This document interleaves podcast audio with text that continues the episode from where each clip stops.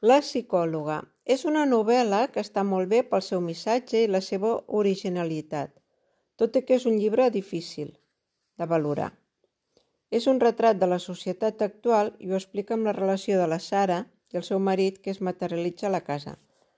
Ells dos són joves i en carreres, ella és psicòloga i ella arquitecta, però en comptes de tirar endavant la seva vida, s'ensorra i és una mentida, igual que la casa, molt bonic per fora, però per dins tot està fet un desastre.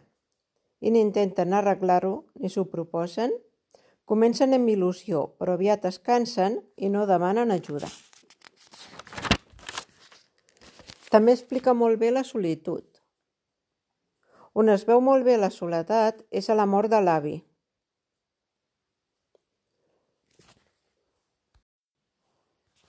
A la mort de l'avi del Sigur,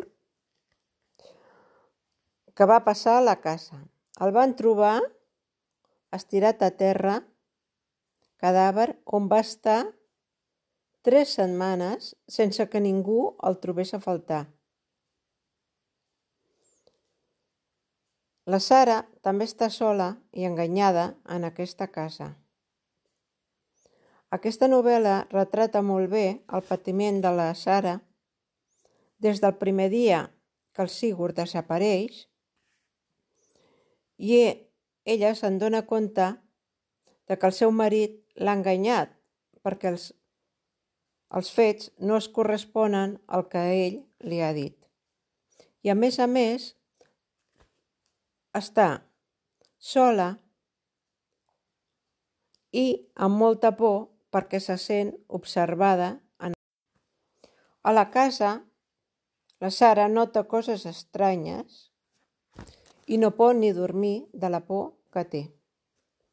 Com a negatiu de la novel·la trobo que li falta acció, ritme, més explicació dels altres personatges. L'assassinat del marit està explicat de forma molt superficial i la investigació policial és decebedora. La trama és molt simple. Hi ha masses monòlegs i reflexions de la Sara que fan alguns trossos molt pesats i repetitius. El final és el millor del llibre perquè aconsegueix sorprendre't i donar sentit a moltes pistes que ens haurien passat per alt. La puntuació seria un 7. Adeu.